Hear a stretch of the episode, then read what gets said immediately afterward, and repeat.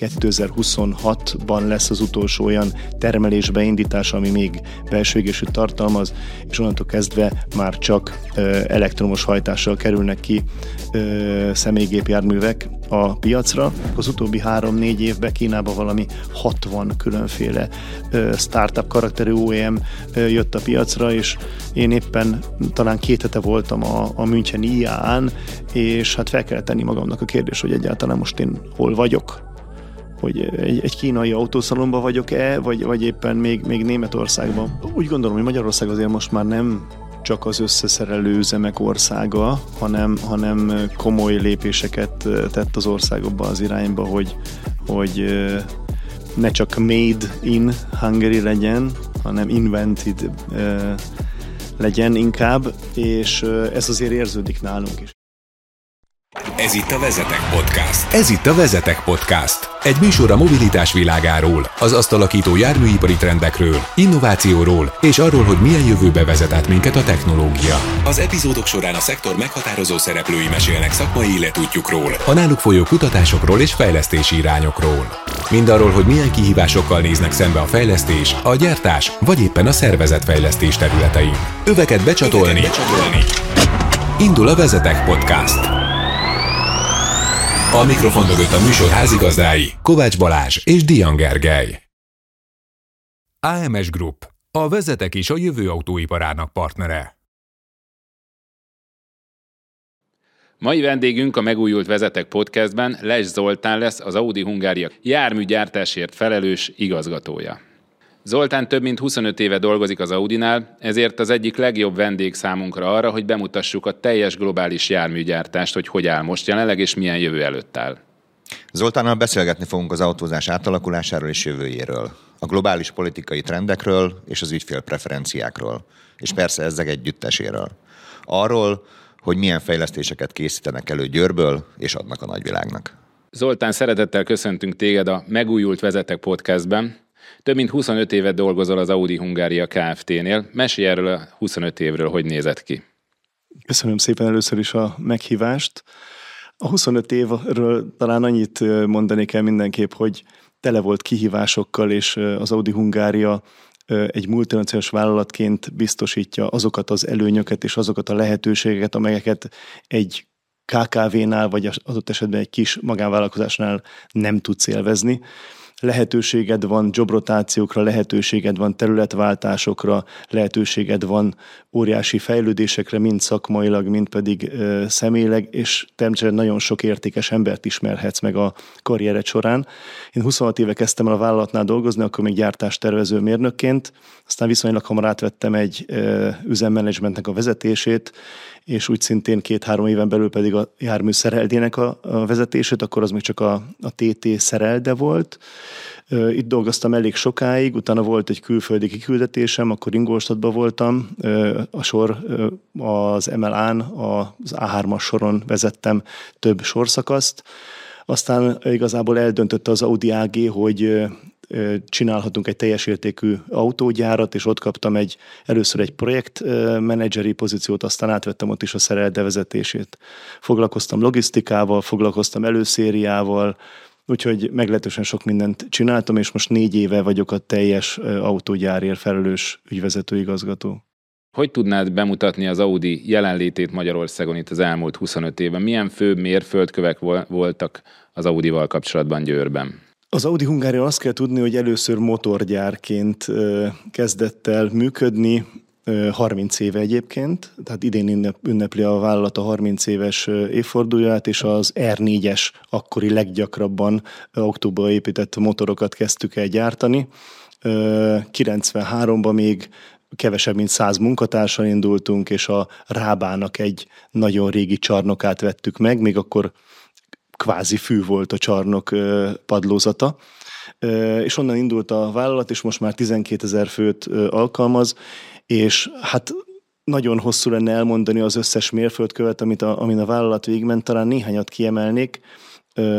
A motorgyártásnak szinte a teljes portfólióját elkezdtük gyártani. A vállalatnál, folyamatosan már újabb és újabb megrendeléseket kaptunk, tehát gyártottunk négyhengeres, aztán öthengeres, V6-os, V8-as, V10-es motorokat, illetve most már több éve az Audi e-tronnal kezdve gyártunk elektromos motorokat is, ez már a transformáció, az elektromos transformáció része. Tehát ez az egyik nagyon fontos üzleti területünk a motorgyártás.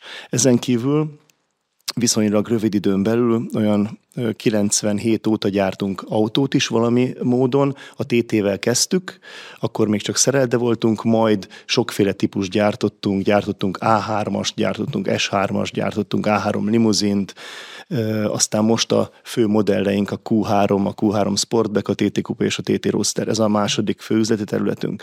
Ezen kívül rendelkezünk az autógyárhoz tartozóan egy szerszámgyárral, itt nem kézi szerszámokat gyártunk természetesen, bár ezt többször megkérdezik tőlem szerszámgyárot, mit csinálnak. Szerszámgyárnak is van három fő területe, az egyik a prés szerszámgyártás, a másik a karosszéra szerszámok és készülékek gyártása, és a harmadik pedig egy exkluzív széria gyártás. Talán az utóbbit emelném ki leginkább, hiszen itt a, az Audi AG-nak az összes olyan RS modelljéhez tartozó optikai differenciát biztosító alkatrészelemét gyártjuk, amit a nagy szériában nem lenne gazdaságos és előnyös gyártani. Mire kell itt gondolni? Például egy RS6-os esetén az optikai differenciát az első sárvédő, a hátsó ajtó és a hátsó sárvédő biztosítja. Ezek az elemek tőlünk jönnek. Tőlünk jönnek a Lamborghini különféle elemei, tőlünk jön az e-tron GT összes külső eleme, és új, legújabb ügyfelünk a Bentley. Tehát itt ez, ez egy olyan uh, USP-nk talán a vállalaton belül, amiről senki nem tud. Ezen kívül a stratégiánk részeként elkezdtük a kompetencia központunk létrehozását. Idén megalapítottuk az ÖHET Kft-t, ahol kompetenciára építünk, és szinergiát kihasználva mi kínálunk különféle tevékenységeket a koncern telephelyei számára. Mire kell itt gondolni? IT-ra, SAP tevékenységekre, aztán mi, mi rendelkezünk a koncern harmadik legnagyobb beszerzésével, tehát nagyon-nagyon sok rétű a vállalat, és nagyon sok mindenre foglalkozik. Most tényleg csak dióhéjban, ezen kívül van te- műszaki fejlesztésünk, eh, ahol, ahol eh, hajtásláncfejlesztéssel foglalkozunk, vagy, vagy készautófejlesztéssel bizonyos ö, szegmenseit. Tehát nagyon sok rétű a vállalat, éppen ezért lehetőség van óriási fejlődésre, hogyha, hogyha az egyének fejlődési lehetőségét nézzük. És mik a fő prioritások a jövőre nézvést? Említetted ugye, hogy a belségési motorok gyártása az meghatározó volt az Audi életében. Tudjuk, hogy ennek itt Európában úgy tűnik, hogy leáldozóban van, hatalmas tapasztalat, kompetencia. Hogy látod, merre felé fejlődik az Audi a téren? Hát az Audi AG egyértelműen letette a, a stratégiai mérföldköveit.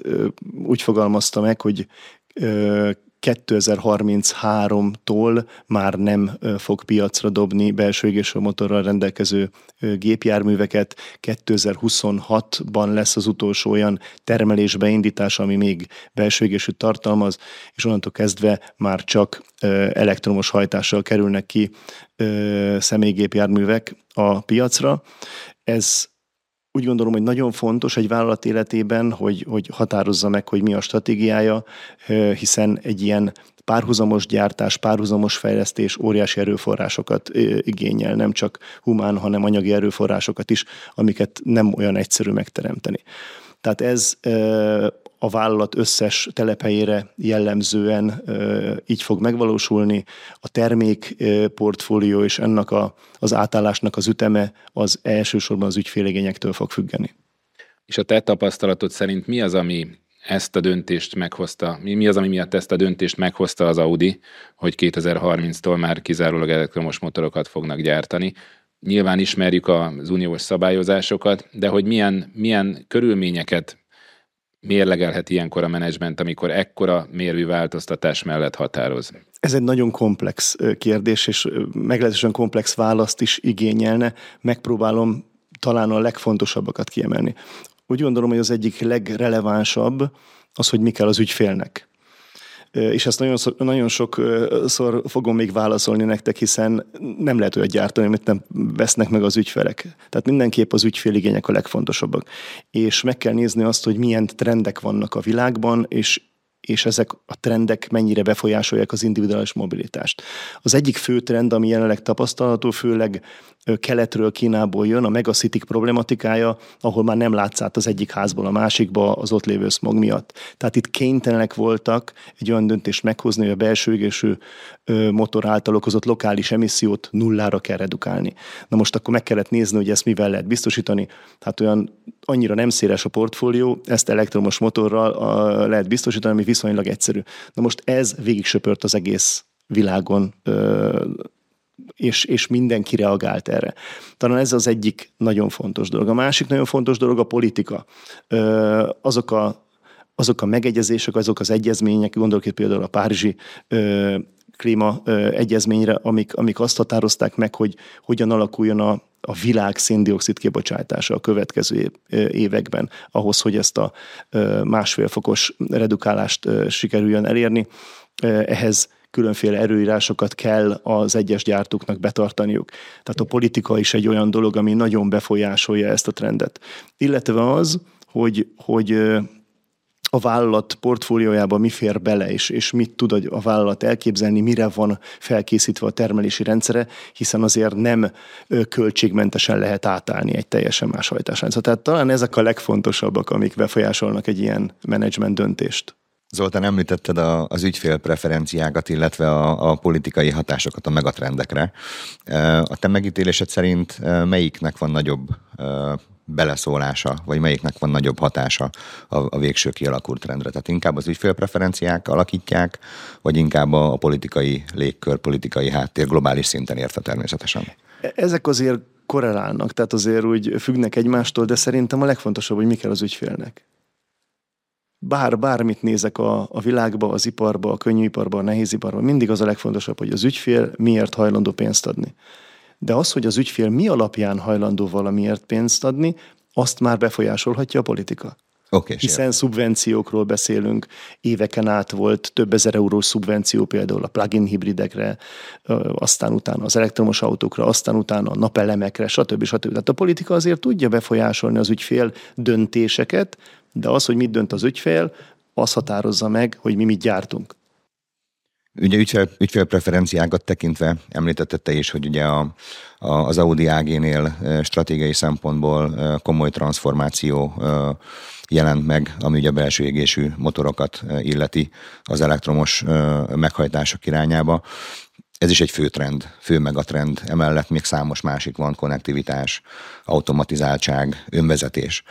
Ugye előbb, előbb kérdeztem, hogy, hogy ügyfélpreferencia, globális politika, azt én így nehezen látom egyelőre, hogy, hogy ügyfelek vizionálták volna azt, hogy, hogy, hogy magas automatizáltság, önvezetés. Értelemszerűen, amikor meghallják, hogy egy ilyen lehetőség kezd kialakulni, akkor már el tudják magukat képzelni benne, de addig csak valószínűleg skifi filmekben láttak ilyeneket elfogadom, amit mondasz, abszolút, hogy ügyfélpreferenciák, de mégis csak van valami jövő kutatás, future architekt hatás erre az egészre. Tehát, hogy hogy lesz a végén az az utopisztikus gondolat egy ügyfélben tényleg preferencia nap végén. Belegondolunk abba, hogy ezek a trendek mit, mit okoznak a világban, ezek, ezek a, a mérnökökben is újabb és újabb dolgokat indukálnak, és, és a, a, az ipar és a világ reagál ezekre, és megpróbálja a teljes globalizált helyzetet valamiképpen kezelni. És hogyha itt most az önvezetésre gondolunk, akkor egy viszonylag plakatív példával meg lehet azt magyarázni, hogy, hogy miért is alakult ki ez, hogy az individuális mobilitásban szükség van az önvezetésre. Hát az egyik, az egyik nagyon fontos dolog az, hogy ha megnézzük a regeneratív energiák rendelkezésre állását, az nem mindig úgy van, hogy mindig akkor süt a nap, és ott, ahol éppen mi napelemeket elhelyeztünk, vagy mindig akkor fúj a szél, és ott, ahol mi éppen szélerőműveket elhelyeztünk. Tehát van egy viszonylag egyszerűen leírható energia felhasználás a világban, és van egy energia előállítás a világban. Ez azt indukálja, hogy valahol az energiát tárolnod kéne. Erre is vannak különféle módszerek, de azért mindannyian tudjuk, hogy ez nem egy egyszerű dolog, ez egy viszonylag nagy kihívás energiát tárolni. Ezért néhány mérnöknek volt olyan fantáziálása, hogy mi lenne akkor, hogyha egy ilyen elektromos individuális mobilitás eszközt arra használnánk, hogy mondjuk ő energiatároló legyen. Ezeket ma még nem nagyon lehet mindennapi felhasználásba így fellelni, tehát nem nagyon találkozunk olyannal, hiszen a, a, az önvezetésnél éppen csak a kettő-kettő és feledik ö, ö, számát használjuk aktuálisan, tehát nagyon messze vagyunk még az ötöstől, de elképzelhető lesz valamikor, hogy energiatároló lesz az individuális mobilitás eszközünk, és ő akkor megy el amikor éppen energia rendelkezés áll. Ez is például indukálja azt, hogy miért ne legyen önvezetés. A másik, ami indukálja, hogy egyre kevesebb az időnk, és egyre több mindent szeretnénk az időbe beletolni. Tehát ki fogjuk használni az autónak minden olyan tulajdonságát, ami nem csak az A-ból B-be történő helyváltoztatást biztosítja. Tehát ott fogunk adott esetben orvosi vizsgálatoknak alávetni magunkat, ott fogjuk élvezni a, a különféle ö, filmnézési, képzési lehetőségeket. Tehát az, az autó egy más eszköz is lesz, már nem csak a, a mozgásnak a biztosító eszköze, hanem egy csomó más funkció. Ehhez megint szükséges az, hogy neked ne kelljen folyamatosan az utat nézni, ne kelljen folyamatosan a kormányt fognod, hanem az autó ezt önmagától biztosítsa. Úgyhogy, illetve van még egy olyan aspektusa is az egésznek, hogy, hogy azért az nagyon kényelmes, hogyha nem kell neked folyamatosan az útra koncentrálnod, és párhuzamosan egy csomó mindent tudsz csinálni ebbe, ebbe a tényleg szinte másodpercenként változó és, és rohanó világba. Tehát az ember szeretné is azt, hogy, hogy mást is csinálhasson a, a mozgása során, ne pedig csak az autóvezetésre koncentráljon. Tehát ez, ez egy olyan csomag, ami miatt szinte magától jött az az ötlet a mérnökökben, hogy, hogy hát akkor próbáljuk meg azt, hogy ez az eszköz, ez, ez menjen is. És ne csak távirányítóval, mint amikor a gyerekek játszanak a, a kis távirányítós autójukkal, hanem teljesen önállóan ez az ideális világ, amit ugye lefestettél, ez feltetően nem már holnapra fog megtörténni. Itt hát egy óriási nagy nem. átmenet lesz. És ami bennem sokszor gondolatokat, gondolatokat ébreszt maga, ez az átmeneti időszak. Tehát ugye a, a, a fejlett vezetőt támogató rendszerek azért manapság már tényleg széria formában elérhetők az autókban, sőt, európai közösségi kezdeményezés alapján pedig ugye már az újonnan forgalomba helyezett autóknál is 2022. július 1-től az első csomag, majd 24-től a, a második csomag, tehát a szerves része már. Ugyanakkor még mindig ott vannak az utakon azok a régebbi autók, amik nem rendelkeznek ilyen eszközökkel. És ugye hajlandóak vagyunk megszokni, tehát hajlamosak vagyunk megszokni azt, hogy pittyeg megáll. De amikor átülünk egy autó, amivel nem, nem pittyeg semmi, és nem áll meg semmi, tehát hogy vajon van ennek egy kontraproduktív hatása az egészre, maga az átmeneti időszakra nézve, mert hogy ugye nem tudjuk megugrani tehát mindenképpen egy átmenet lesz. Ez inkább csak egy ilyen költői kérdés, ami foglalkoztat engem, hogyha van egy személyes véleményed, akkor szívesen mm, meghallgatom. Nem gondolom, hogy ez óriási kívást jelent. Mm. Szerintem ezt nagyon hamar megugorja az emberiség, és szerintem kortól, nemtől, politikai és vallási hovatartozástól függetlenül nagyon hamar bele fogunk szokni a jóba. És akkor nekem van egy nem annyira költői kérdésem, hanem inkább gyakorlati. Azt mondtad, hogy sok kérdésre az a válasz, hogy mi kell az ügyfélnek mi kell az ügyfélnek ma? Hogy ti hogy látjátok, hogy mi az, amire szüksége van a vevőnek? Nagyon érdekes kérdés, azért, mert itt meg kell vizsgálnunk, hogy melyik korosztályról beszélünk, és meg kell vizsgálnunk, hogy az a, az ügyfél az éppen hol él. Nagyon érdekes, hogy a kínai vásárló átlag életkor az olyan 36-38 év, míg egy európai vásárló átlag életkor az több mint 50 év, tehát 50 pluszosak a átlag életkorban az európai új autóvásárlók. Na most ez önmagában egy másfajta preferenciát fog neked jelenteni. Tehát a viszonylag, pontosan, viszonylag fiatalok azok nagyon és egyre inkább ragaszkodnak a konnektivitáshoz. A kínai vásárlók 70%-a hajlandó a konnektivitási tulajdonságok alapján rendet választani. Tehát nem érdekli, hogy milyen embléma van, nem érdekli, hogy az milyen életérzést hoz magával, vagy esetleg milyen komplett csomagot biztosít, hanem azt mondja, hogy nekem egy a fontos, hogy amikor a telefonommal beülök az autóba, akkor automatikusan kapcsolódjon, automatikusan betöltse a következő időpontomhoz tartozó címet, és oda elvigyen az autó, és közben persze még azt is biztosítsa, amit, amit, amire éppen szükségem van. Tehát ez egy, ez egy nagyon fontos szempont, és úgy gondolom, hogy ezeknek az ügyfeleknek egyértelműen ez kell, és nagyon fontos preferencia számukra. Aztán van, van természetesen ügyfélréteg, hála Istennek, méghozzá nem is kevés, hogyha megnézzük, hogy a, a prémium kategóriában azért mennyi kínai autó van, akkor ott még nagyon-nagyon kevés. Tehát maximum a piaci ö, százalékuk az olyan 15-18 százalék a, a prémium, a felső kategóriában és a prémium kategóriában. Ott viszont nagyon fontos még annak a rétegnek a minőség, az, hogy ez a, ez a brand mit képvisel, hogy, hogy a, mi van mögötte, mi a teljes csomag, van-e hozzá kapcsolódóan ilyen-olyan szolgáltatás.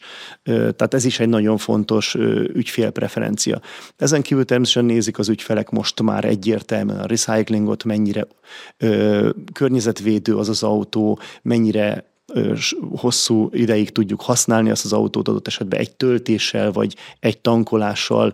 Tehát nagyon-nagyon sok mindent figyelembe vesz a, az ügyfél, amikor megvásárolja az autót, de nem hallgathatom el az egyik legfontosabb vásárlási preferenciát, az pedig az ár.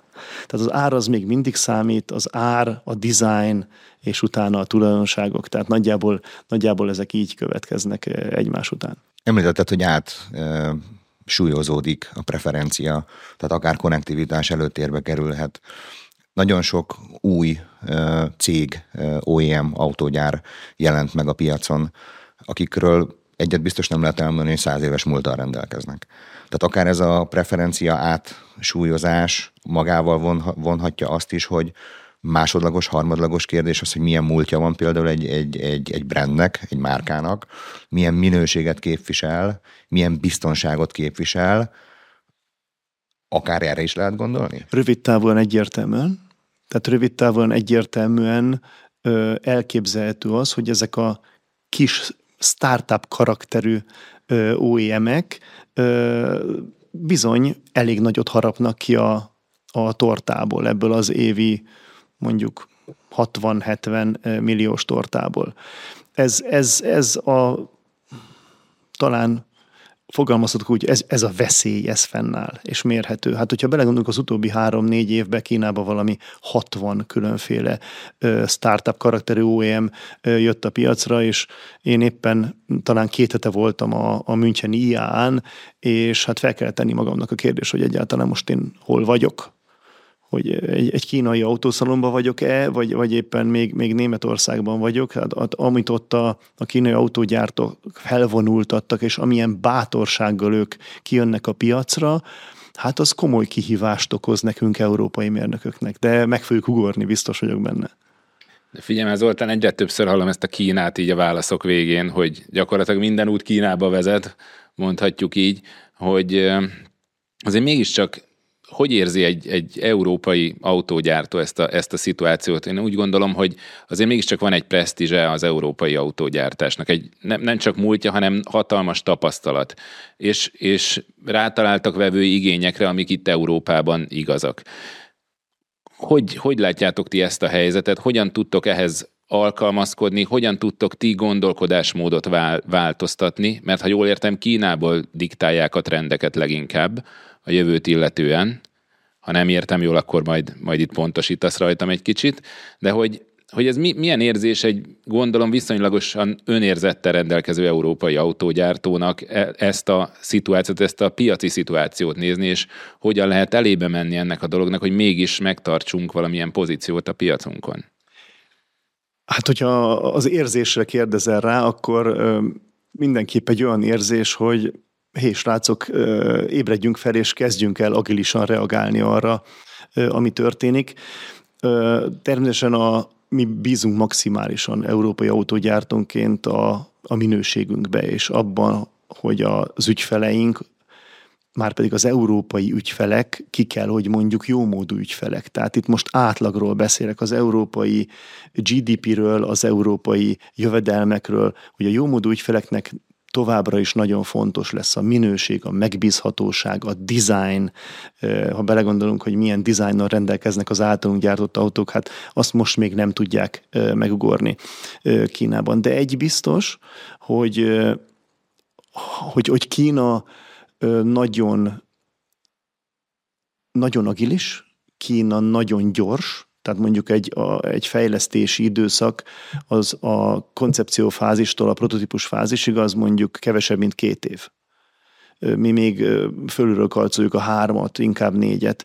Tehát azért itt még, itt még, itt még vannak, vannak különbségek. Aztán, aztán ami, amiben Kína borzasztóan jó, hogy, hogy ott tényleg nagyon, nagyon fejlett a digitalizálás, és nagyon magas szinten van az edukációban is a, a programozás, a szoftver közelsége. Hát ha belegondoltok, az egész az egész állam már úgy működik, hogy minden digitalizálva van. A telefonodon, telefonod nélkül nem tudsz élni Kínában.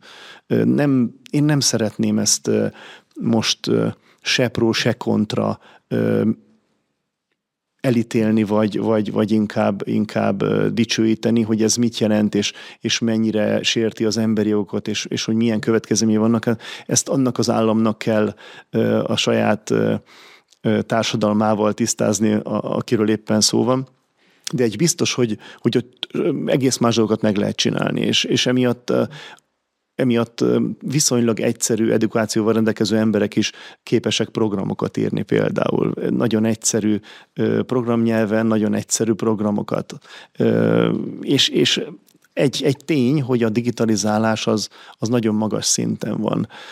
Ezért képesek arra is, hogy viszonylag bátran, kvázi a digitalizálás világából jövőként kezeljék a, az individuális mobilitást is, és merjék mondjuk piacra dobni nagyon rövid idő alatt az autóikat. Mi nem vagyunk ennyire bátrak, és mi nagyon sokat dolgozunk azon az előszéria fázisba, hogy az autóink a lehető legcsúcsabb minőségbe kerüljenek az ügyfeleinkhez. Mi nem csinálunk adott esetben három naponta szoftver update mert nem kell, mert a, mert a szoftvereink azért sokkal kiforrottabb állapotba kerülnek ki. Tehát mi igazából most még nem telefontárolunk négy kerékkel, hanem azért mi még autótárolunk viszonylag jó konnektivitás tulajdonságokkal. De de ez, ez, ez a versenyhelyzet, ez, ez, ez egyre élesebb, és ezt érezni kell, és, és fel kell ébrednie az európai autógyártásnak, hogy ez egy itt az ajtunkban lévő konkrét kihívás. És tudnád-e konkretizálni ezt, hogy mivel reagál a az Audi például milyen termékekkel vagy szolgáltatásokkal tud reagálni erre a kínai kihívásra? Én úgy gondolom, hogy nem is elsősorban a termékeket és a szolgáltatásokat kell itt megemlítenünk, hanem, hanem azt, a, azt a nagyon fontos felismerést, ami, ami a, vállalatcsoporton belüli szinergiák kihasználását tartalmazza. Tehát az egyik nagyon nagy lépése a Volkswagen koncernnek az volt, hogy létrehozott egy szoftverfejlesztő egységet, a Cariadot, amit, amit azért hozott létre, hogy az összes szoftverprogramozó az egy organizáció egység alá tartozzon. És ezt platformokon keresztül megpróbálja a következő generációkba egységesen ö, etablálni. Tehát most már a következő generációk arról fognak szólni, hogy a platform szoftver az ugyanonnan jön, ugyanazt tudja, és ezért nagyon megbízható. Tehát ez egy olyan nagyon fontos lépés volt, hogy a, a brandre, a márkára vonatkozó individualizálás csak már a, az alapszoftverre fog rákerülni. És ott is ugyanattól a központi egységtől fog jönni. Ez egy nagyon fontos lépés volt. A másik, a platform stratégiája a vállalatnak, hogy létrehozunk olyan platformokat, amelyekre különféle felépítmények kerülnek hútok, mi igazából ezt a kifejezést használjuk. Ez is egy olyan dolog, ami, ami egyértelmű ö, olyan lépés, ami, ami stratégiai lépés, hogy, hogy hogy alakított ki a következő termékportfóliódat. Ezen kívül folyamatosan dolgozunk a produktivitásunkon, hogy minél hatékonyabb legyen a gyártás, minél leanebb legyen a gyártás, az organizáció felépítésén, a struktúrán, hogy lehetőleg egy kompetencia központból hajtsunk végre a koncern minden telephely számára tevékenységet, ne kelljen mindenkinek redundánsan uh, ugyanazzal a kompetenciával rendelkezni, hiszen ezek mind-mind-mind óriási uh, humán erőforrásokat és anyagi erőforrásokat igényelnek. Tehát ez egy ilyen jó nagy csomag, amit, amit itt ilyenkor meg lehet említeni, hogy hogyan reagál egy ilyen autógyártó, és természetesen továbbra is szexi és, és szép termékekkel, és nagyon megbízható termékekkel. Tehát azt kell megfogni, ami a legfontosabb ugyanebben a relációban, tehát ha leegyszerűsítem Kína, Európa, azt feltételezem, hogy, a, hogy az energiaválság az nem éppen egy előnyös előnyös szempont ebben a, ebben a konstellációban. Hogyan érintiteket, hogyan érintett titeket az energiaválság, vagy az ilyen speciális időszakok, akár ide sorolhatnám a, a, a Covid-ot, ami, amit, amit reményeim szerint mögöttünk tudunk, bár a mostani hírek már megint nem erről szólnak. Hogyan, hogyan, hogyan tudtok ilyen speciális időszakokat átvészelni? Hát azért az utóbbi négy év az ilyen kőkemény kihívásokat jelentett az összes OEM számára. Az egész kezdődött a Covid-dal, aztán jött a, a félvezető helyzet, aztán jött a, az orosz-ukrán háborúnak a, a következményei, és az általad említett energia árrobbanás, energia és nyersanyag árrobbanás. Tehát ez egy, ez egy úgy gondolom, hogy minden idők legnagyobb kihívása elé állította az autóipart, hiszen ez a transformáció közepén érintett minket. Tehát nem ami önmagában egy Ami kihívás. önmagában egy óriási dolog volt, hiszen eh, azt megugrani, hogy, hogy átállítsd a teljes termékportfóliódat, az is egy óriási feladat volt önmagában. És a konkrét kérdésedre a, a konkrét válaszom talán az, hogy nagyon stabil folyamatokkal, ö, lokális sourcinggal, vagy, vagy többes sourcinggal, broker piaccal, hatékonyságnöveléssel, agilitás növeléssel lehet ezekre a dolgokra reagálni.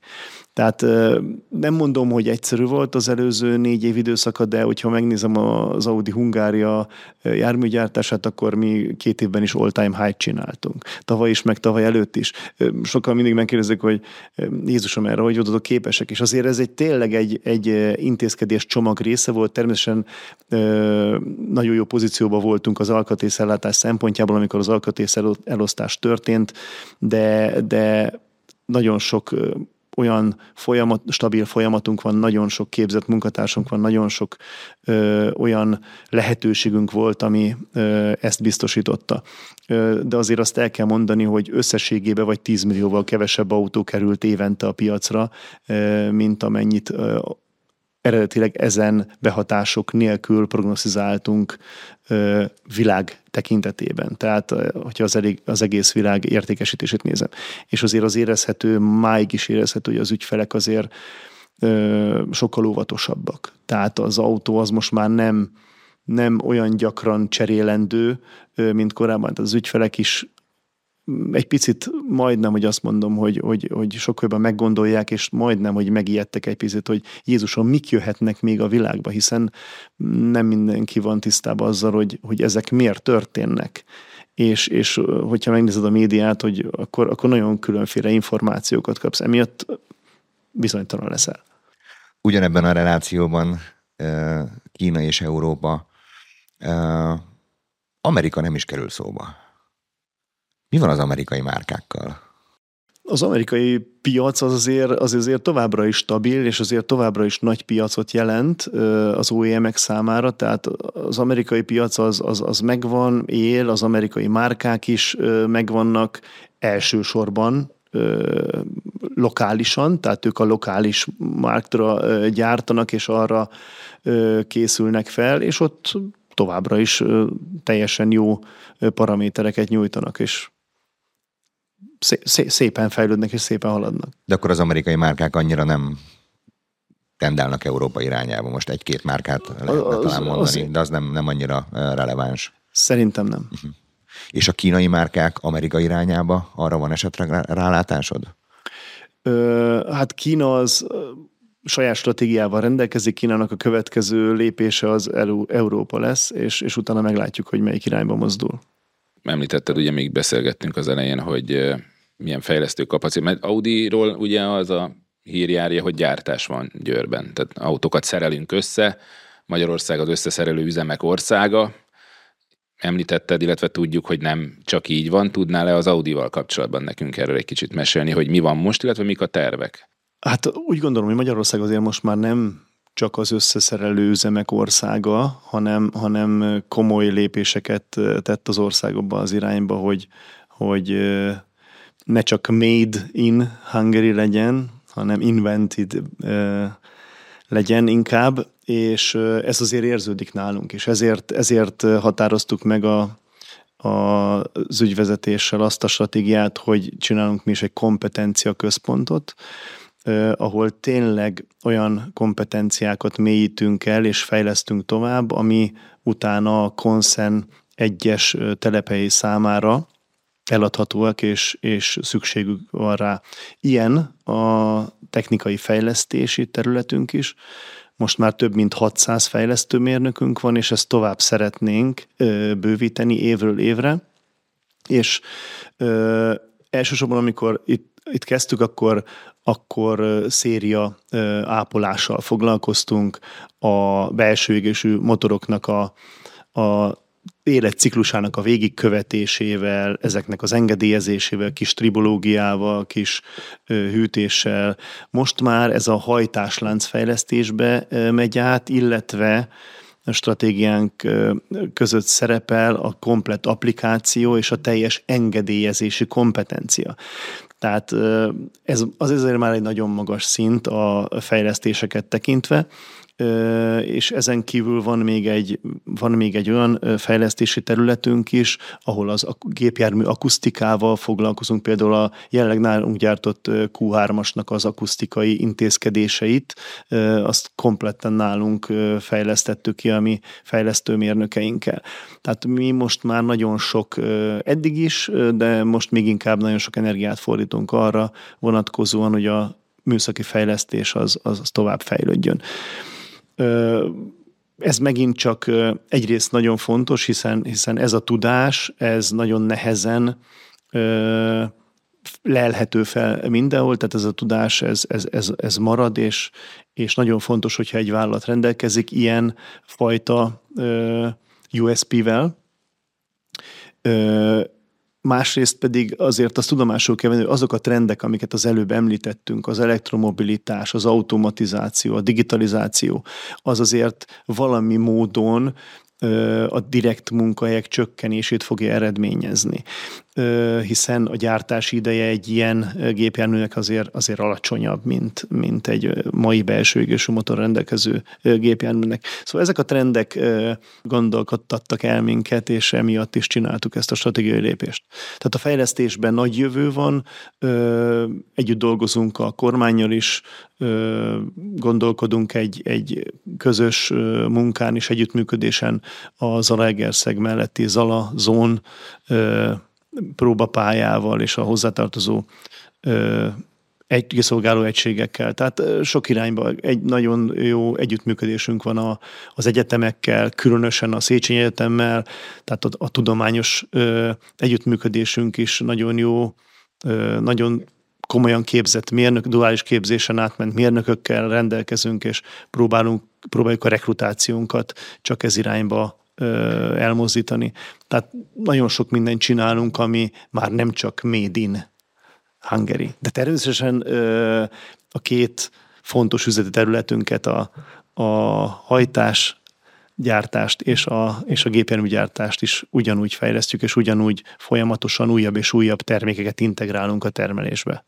Egyébként ez érdekelt volna pont, és beszélt is, hogy milyen kihívások vannak egy ilyen, egy ilyen fejlesztő részleg felépítése kapcsán itt Magyarországon. Engem érdekelne az, hogy egy ekkora koncern esetében ez hogy néz ki, hogy kipattan valakinek a fejéből az ötlet, hogy ne csak gyártás legyen például Győrben, hanem bármilyen más fejlesztési tevékenység is. Ez mennyire fentről irányított dolog, vagy eldöntött dolog, vagy adott esetben az egyes lokációk lobbiznak egy-egy ötlettel a, a tulajdonos vállalatnál, hogy működik ez a gyakorlatban? Mennyire tudunk itt mondjuk előre furakodni a, a világviszonylatban, a láncolatban? Hát ez is-is. Ehhez, ehhez nagyon sok minden kell. Az, hogy, az, hogy egy ilyen kompetencia mondjuk egy, egy német vállalatnál kikerüljön Németországból, ennek, ennek több oka van. Jelenleg mi azokat a tevékenységeket lokalizáljuk, amelyeket ma nem a telep, nem a németországi anyavállalatnál, hanem külsősök hajtanak végre, hogy ne külsősökhöz menjen az a az a bértömeg, hanem, hanem maradjon a cégcsoporton belül. Tehát mi elsősorban ezekkel kezdünk, aztán utána majd ki fog derülni, hogy milyen további szeletekre, kompetencia szeletekre van lehetőség de nagyon, nagyon komplex a döntési lánc. Természetesen ilyenkor megvizsgálásra kerül, hogy milyen múltad van, milyen, milyen névjegykártyával rendelkezel, miket tudsz megcsinálni, milyen kompetencia található az országban, mit biztosítanak a képzések az országban, milyen egyetemi edukáció van, hogy működnek azok együtt az iparral, ez is egy nagyon fontos szempont. Az egész táptalaja. Az, az egész táptala, így van, hogy, hogy, hogy, hogy mennyire lesz utána megbízható az a terület, aki, aki ezt a megbízást végrehajtja vagy ledolgozza. Nem utolsó szempont természetesen az ár, ezt megint csak nem szabad elhallgatni, hiszen minden tevékenységnél nagyon fontos, hogy ez mennyibe kerül, mennyibe kerül ez relatív, mennyibe kerül ez abszolút értékben. Szóval nagyon, nagyon komplex azért egy ilyen döntés. És hogy látod itt Magyarországnak, mik a versenyelőnyei, vagy mik lehetnek az előnyei akár a környező országokhoz képest, akár ha távolabbra nézünk, hogy mi az, ami, mi az, ami itt van jelenleg, és mi az, amin érdemes nekünk fejlesztenünk itt Magyarországon magunkon, hogy egyre jobb helyre kerüljünk ebben a láncban? Hát szerintem a, ami, ami előnyünk lehet, az, az szerintem a múltunk. A múltunkban azért sok mindent bizonyított. Most itt nem csak elsősorban a, a mi vállalatunkról beszélek, az Audi Hungáriáról, hanem, hanem úgy globálisan kérdezted, hogy Magyarország. Tehát a, a, amit, amit Magyarország létre vagy a Magyarországon lévő iparvállalatok eddig bizonyítottak, azért az szerintem meglehetősen magas szintű, magas szintű minőség, magas szintű megbízhatóság, magas szintű szállítási hűség. Tehát ez azért egy jó névegykártya ez a, ez a tartalom. Aztán ezen kívül, ami, ami szerintem előnyünk, az az, hogy a, hogy a képzést azt valamennyire lehet olyan irányba módosítani, ami éppen az ipari vállalatoknak kell. Tehát egy jó együttműködésű, duális képzés, ből nagyon jó munkatársak jöhetnek ki. Tapasztalatom alapján talán, amin lehetne és érdemes lenne javítani, az a nyelvtudása az egyetemről kikerült hallgatóknak, illetve az affinitásuk a programozás és a digitalizálás világa felé. Digitalizáció, automatizáció, ezek a trendek azok, amikkel most azonnal és középtávon foglalkoznunk kell, tehát hogyha az edukációt ez irányba egy kicsit jobban meg tudjuk nyomni, az nekünk mindenképpen segíteni fog. Tét nélkül, ha megkérdezhetem, eh, hogyan látod a mobilitást középtávon, 10, 15, 15 inkább 20 év távlatában? Hogyan fog kinézni a, a jövő mobilitása? Egy biztos, hogy individuális mobilitás lesz. Mindig lesz, mert az ember mindig akar mozogni. Ez nekünk nagyon fontos, és e, ez biztos. Az valószínű, és majdnem biztos, hogy az individuális mobilitást azt valamilyen elektromotor fogja hajtani. Az, hogy milyen energia hordozó lesz ezen a mobilitási eszközön, az most még nyitott. Hogy ez egy akkumulátor lesz, vagy ez egy tüzelőanyagcella lesz, vagy valami más, az most még nem nyitott, illetve valószínűleg nagyban fog attól függni, hogy mi a felhasználási igény.